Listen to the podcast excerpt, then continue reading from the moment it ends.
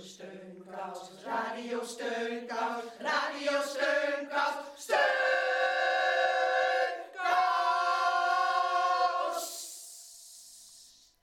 Heel hartelijk welkom bij Radio Steunkous.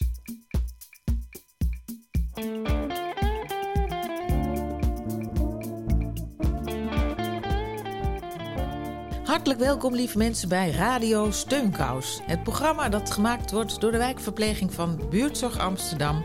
En gelooft dat we allemaal een steunkous voor elkaar kunnen zijn. Ja, en we wilden eigenlijk vandaag op de Dam gaan zitten omdat het de week is van 4 en 5 mei. Maar uiteindelijk leek het ons toch rustiger om aan onze eigen geheime vertrouwde locatie van Steunkous te zitten. Nou, natuurlijk wilde Ellie daarbij zijn, maar die kan vandaag niet. Die is verhinderd. Oh, die heeft de vrijheid genomen om weg te blijven. Ja, die heeft de vrijheid genomen om weg te blijven. Wanneer voel jij je eigenlijk echt vrij? Ehm, ik voel me eigenlijk het, het vrijst als ik mezelf kan zijn. Als ik mag gaan en staan waar ik wil.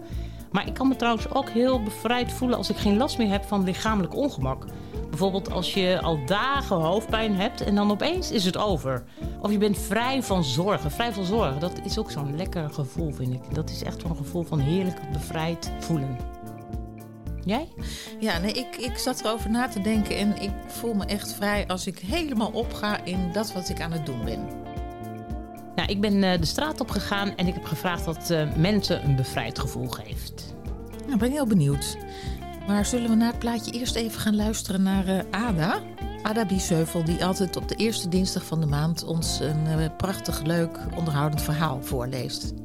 Ja, en omdat het vorige week uh, maandag Henny Vriend op 73-jarige leeftijd overleed, draaien wij speciaal van hem het nummer Vrij.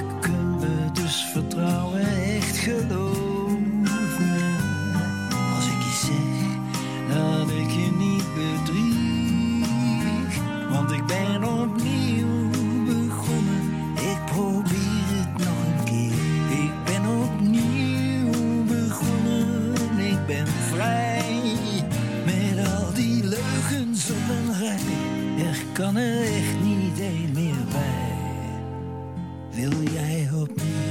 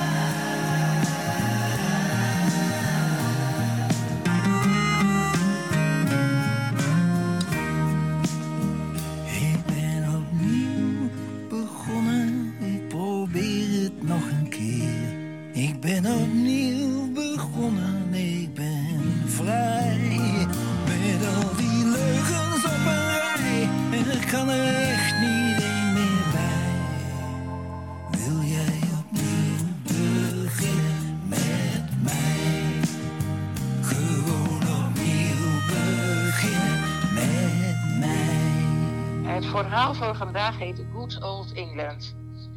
Het linksrijden valt wel mee nadat we in Dover van, uh, van, uh, van boord zijn gereden. We zijn al een keer eerder in Groot-Brittannië geweest. De reis eist met een klein kind, een baby van nog net geen jaar, wel wat van je gemoedsrust. We zijn in gezelschap van onze ouders of schoonouders.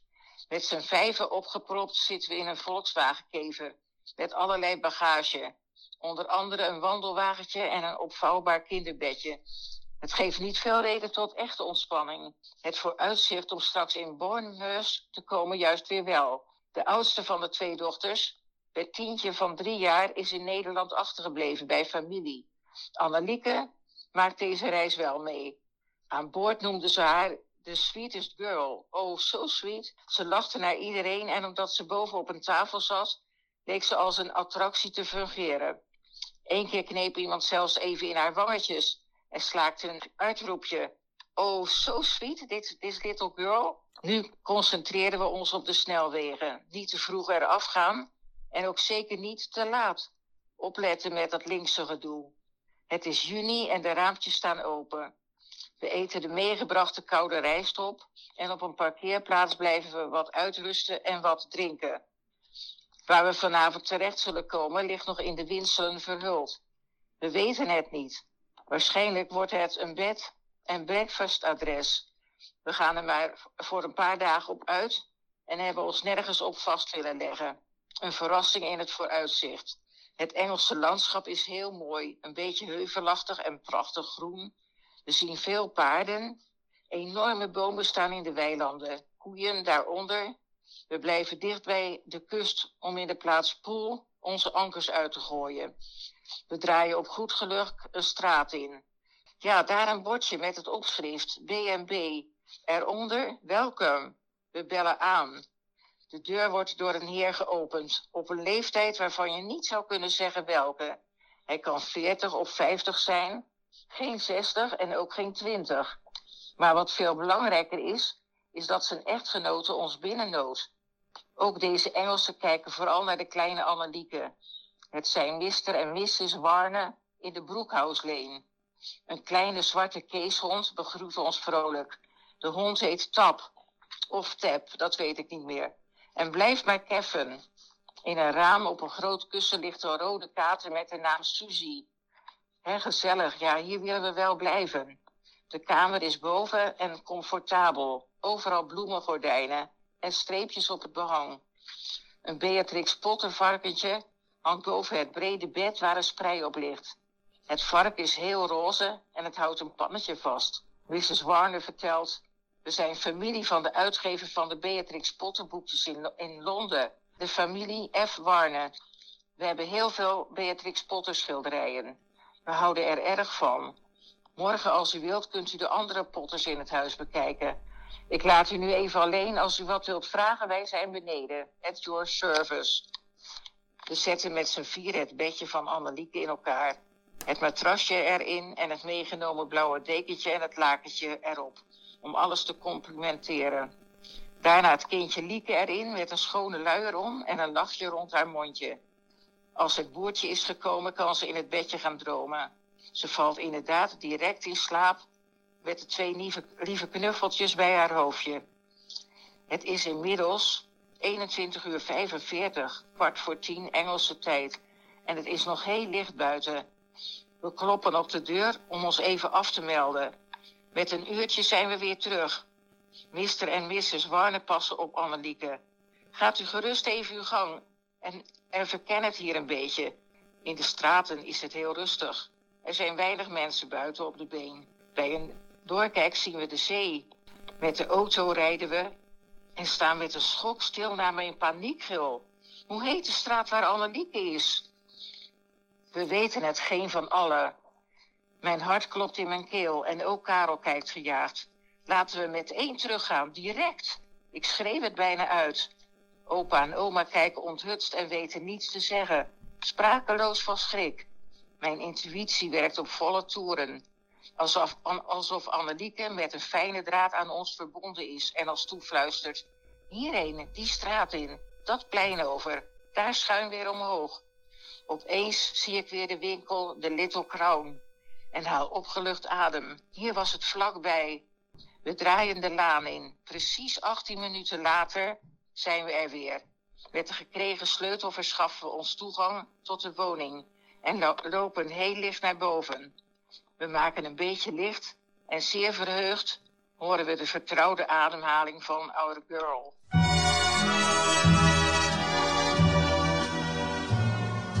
We'll meet again.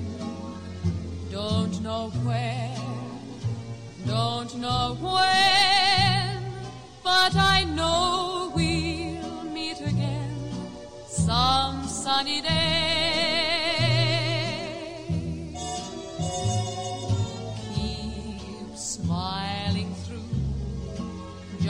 Like you always do, till the blue skies drive the dark clouds far away.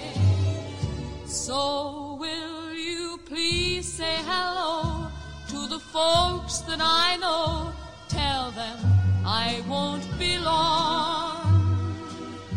They'll be happy to know as you saw me go, I was singing this song. We'll meet again. Don't know where, don't know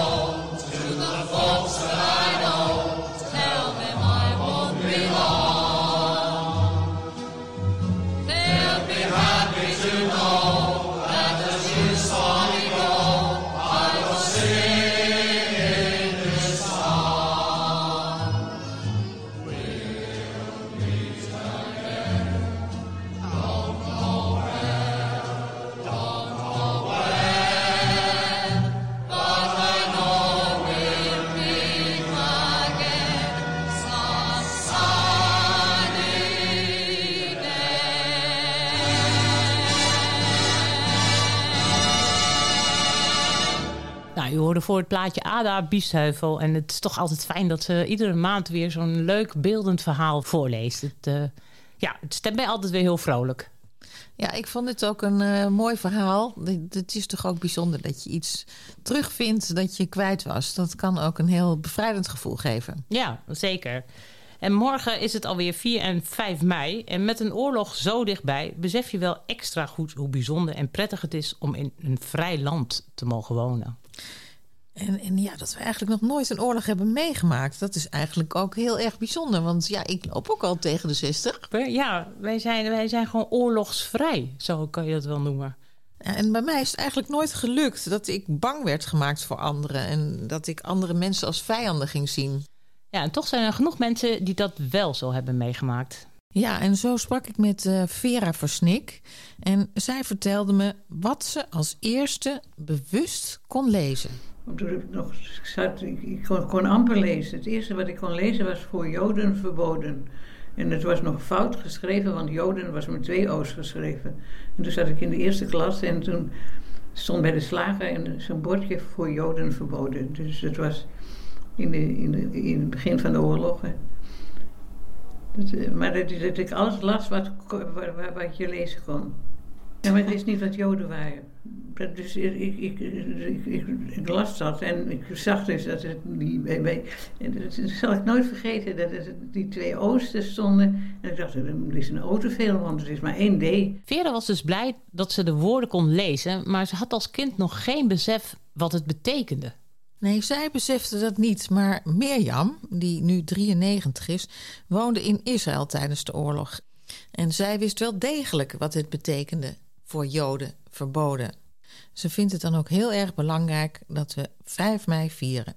En haar man Chef was ook nog eens jarig op die dag. Ik vind 5 mei vreselijk belangrijk dat we het vieren. Bovendien is Chef zijn verjaardag. Die is op 5 mei geboren. Hij was altijd heel trots erop. Hij zei ook altijd: Oh, heel Nederland vlacht voor mij. Hij vond het zo heerlijk. Omdat het de bevrijdingsdag is. Omdat het toch vreselijk geweest is wat hier gebeurd is in de tijd van de oorlog. Mijn grootouders hebben in concentratiekampen gezeten. Ik heb in Israël gezeten en het was vreselijk idee dat hier de oorlog was. Mirjam vindt het dus echt heel belangrijk om de vrede op 5 mei te vieren. En ze is ook erg bang voor Poetin. Het is toch een vieren van de vrede. We vieren de vrede die koet. Want die, uh, die stinkert daar in Rusland. Ja, daar, vroeger zat daar Stalin. Dat was ook niet zo'n leukertje. Die mensen zijn niet wijs. Die denken dat ze de baas zijn. Poetin is niet wijs. Wat zou die met een groot rijk? Wat moeten we moeten het grote rijk met hem doen in godsnaam? Wat is het nou voor iemand?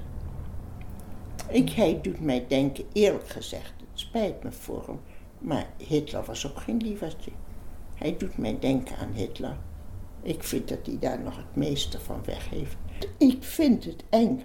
Voordat we weten, zitten we ook weer in oorlog met die kerel. Als Poetin meent dat hij naar Nederland moet komen, dan zorg ik dat ik weg ben. Het spijt me. Ik moet hier niet zijn als Poetin komt.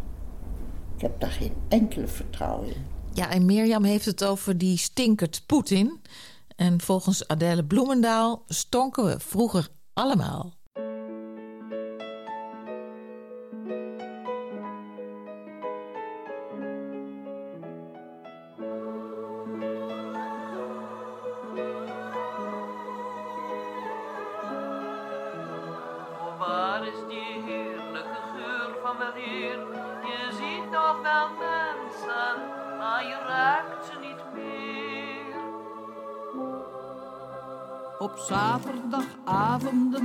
In een tijl de schare gereinigd met boender en dweil. De tijl zat vol water, maar het water ging schuil onder schubben van zeep en van andermans vuil. Waar een leger van luizen verdwaasd in verdrong. Je was blij dat je leefde en blij dat je stonk. Oh, waar is die heerlijke geur van wanneer je ziet nog wel mensen, maar je ruikt ze niet meer. We hadden een handdoek voor het hele gezin. Je droogde je af en dan snoot je erin. En als dan die handdoek niet natter meer kon, dan werd die gewoon weer gedroogd in de zon. En ook door die keiharde handdoek, mijn kind, stonken wij allen een uur in de. Waar is die heerlijke geur van wanneer? Je ziet nog wel mensen, maar je ruikt ze niet meer. De school, het kantoor, de fabriek en de bank. Het was alles vervuld van een stevige stank. Wij veegden ons gat altijd af met een krant. Wij kenden slechts drukinkt als deodorant. Je had nooit een ziekte behalve een zwier. Want elke bacil viel bewusteloos neer. Oh, waar is die heerlijke geur van wanneer? Je ziet nog wel mensen, maar je ruikt ze niet meer. Bacteriën kwamen er nooit in ons huis. Die schrikten wij af met de geur uit ons kruis. Geen virus, al was het ook handig en snel, kwam ooit door de korstige laag op ons vel. Dus wie er de dood onder ogen moest zien, die was nooit veel jonger dan 110. Oh, waar is die heerlijke geur van wanneer je ziet nog wel mensen, maar je ruikt ze niet meer.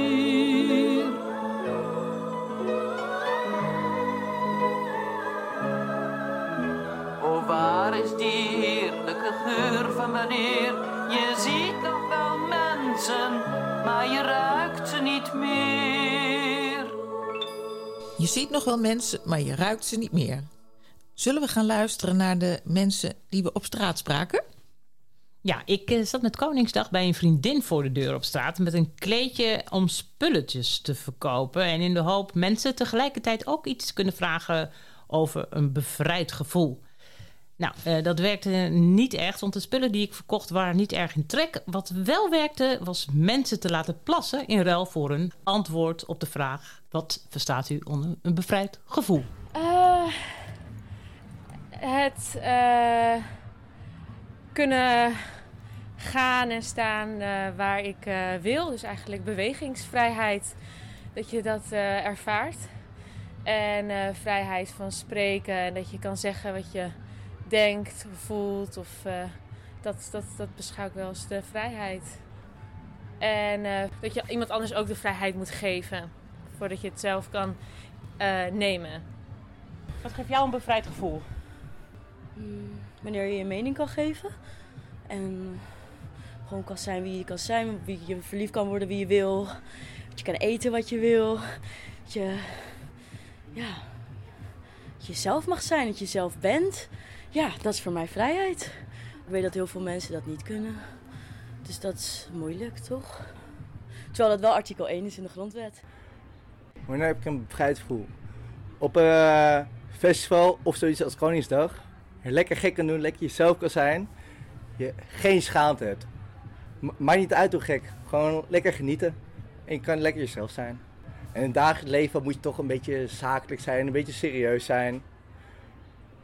Ja, het is toch anders op uh, bepaalde soort dagen.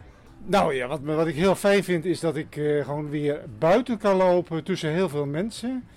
En uh, mijn vrouw is vorig jaar overleden. Dus het is een extra dimensie moet ik zeggen.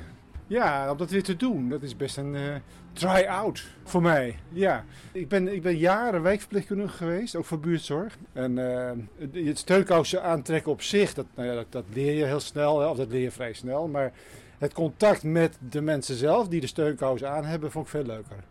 En uh, wat, ze, wat, wat voor hen vaak een heel bevrijd gevoel gaf trouwens, is als je het goed deed.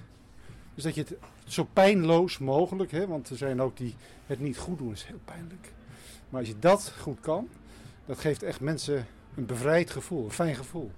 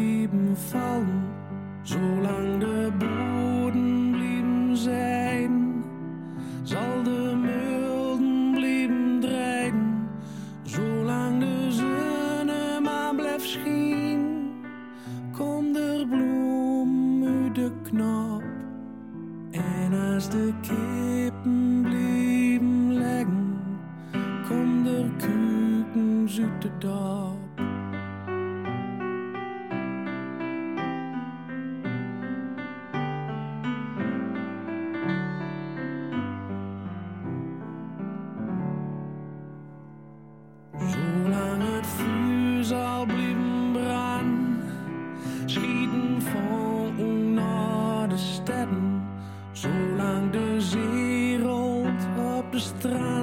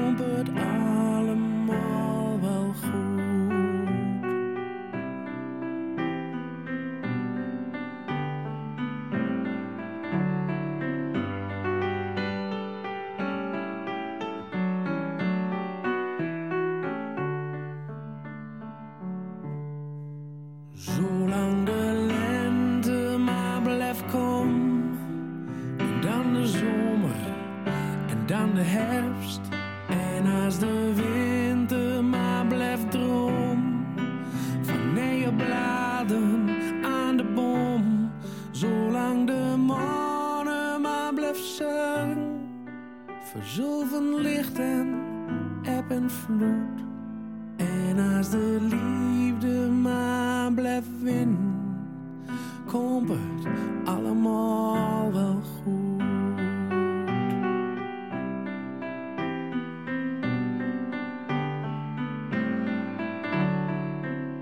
U hoorde net de 93-jarige Mirjam, die op 5 mei toen Nederland bevrijd was, in Israël woonde. Uh, Lijn, hoe heeft Mirjam eigenlijk de bevrijding gevierd in Israël? Nou, dat weet ik niet precies, maar dat ze na de oorlog heel bewust heeft gekozen om in een ziekenhuis te gaan werken waar zowel Joden als Arabieren werden verpleegd, dat weet ik wel. En ze heeft hele goede herinneringen aan een Koerdische man die ze daar heeft verpleegd. Maar er lag een Koerdische man, en die herinner ik me nog heel goed. En dat was een Koerdische man, die, ik kon geen woord met de man praten. En dat was natuurlijk toch vervelend. Ja, een beetje Engels verstond hij. Nou ja, ik Engels praatte en hij ook.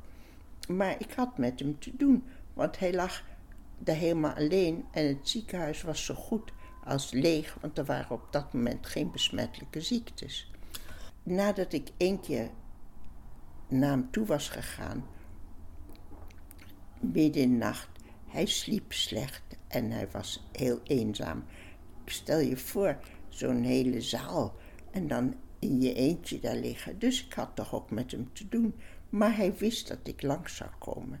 Dus ik heb me aangewend op dezelfde tijd te komen. En heel eerlijk gezegd, ik denk niet dat dat erg eh, deskundig was. Ik geloof de man dysenterie had. Ik was al wel best niet goed geweest zijn. Maar ik ben gewoon op het randje van zijn bed gaan zitten. En hij vond het dolgezellig. En ik vond het ook gezellig.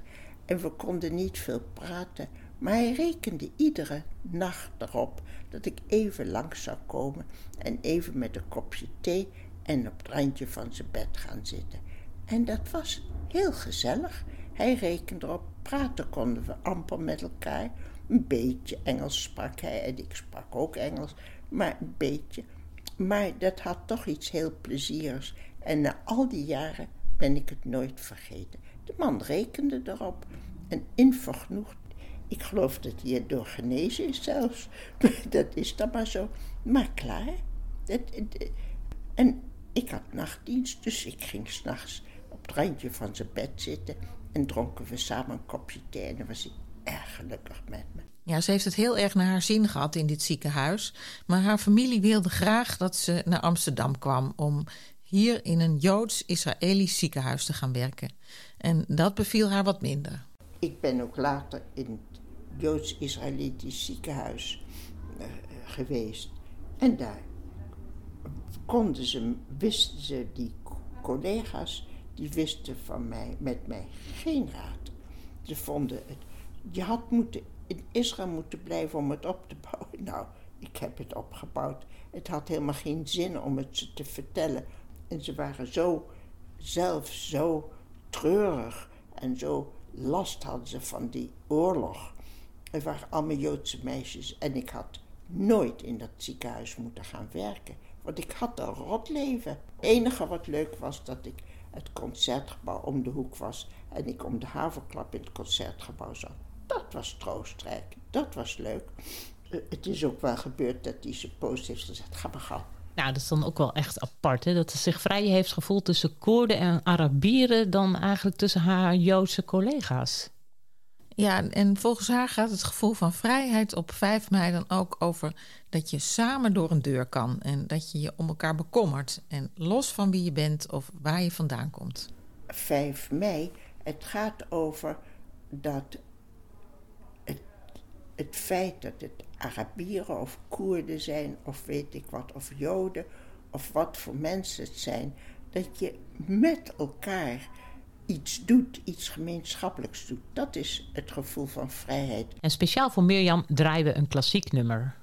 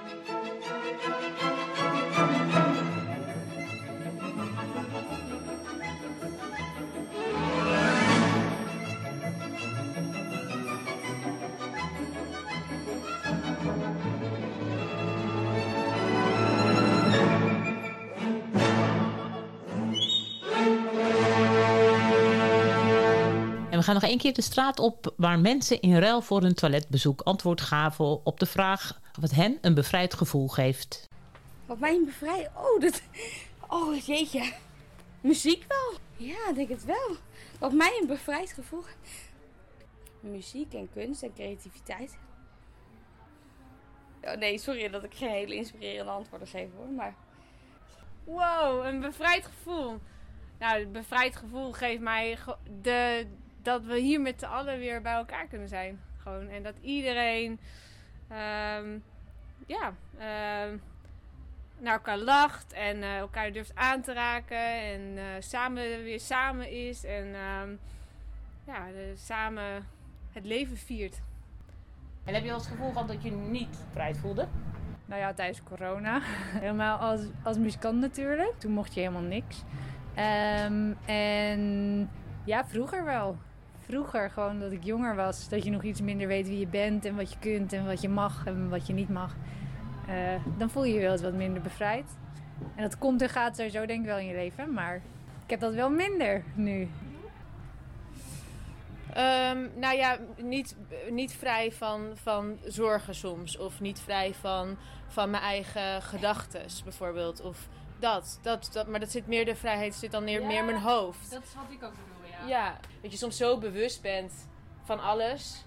Van alles om me heen. En dat ik dan me een soort van opgesloten voel in mijn hoofd. Maar dat heb je je? minder toch nu, of niet? Nee. Maar, oh ja, ik ben misschien wat ouder. Dankjewel voor het plassen. Het is goed. Ja. Ik voel me weer helemaal vrij. Na het plassen voel je je weer helemaal vrij. Oh, dat is nee. Ja, goede moment. Ja.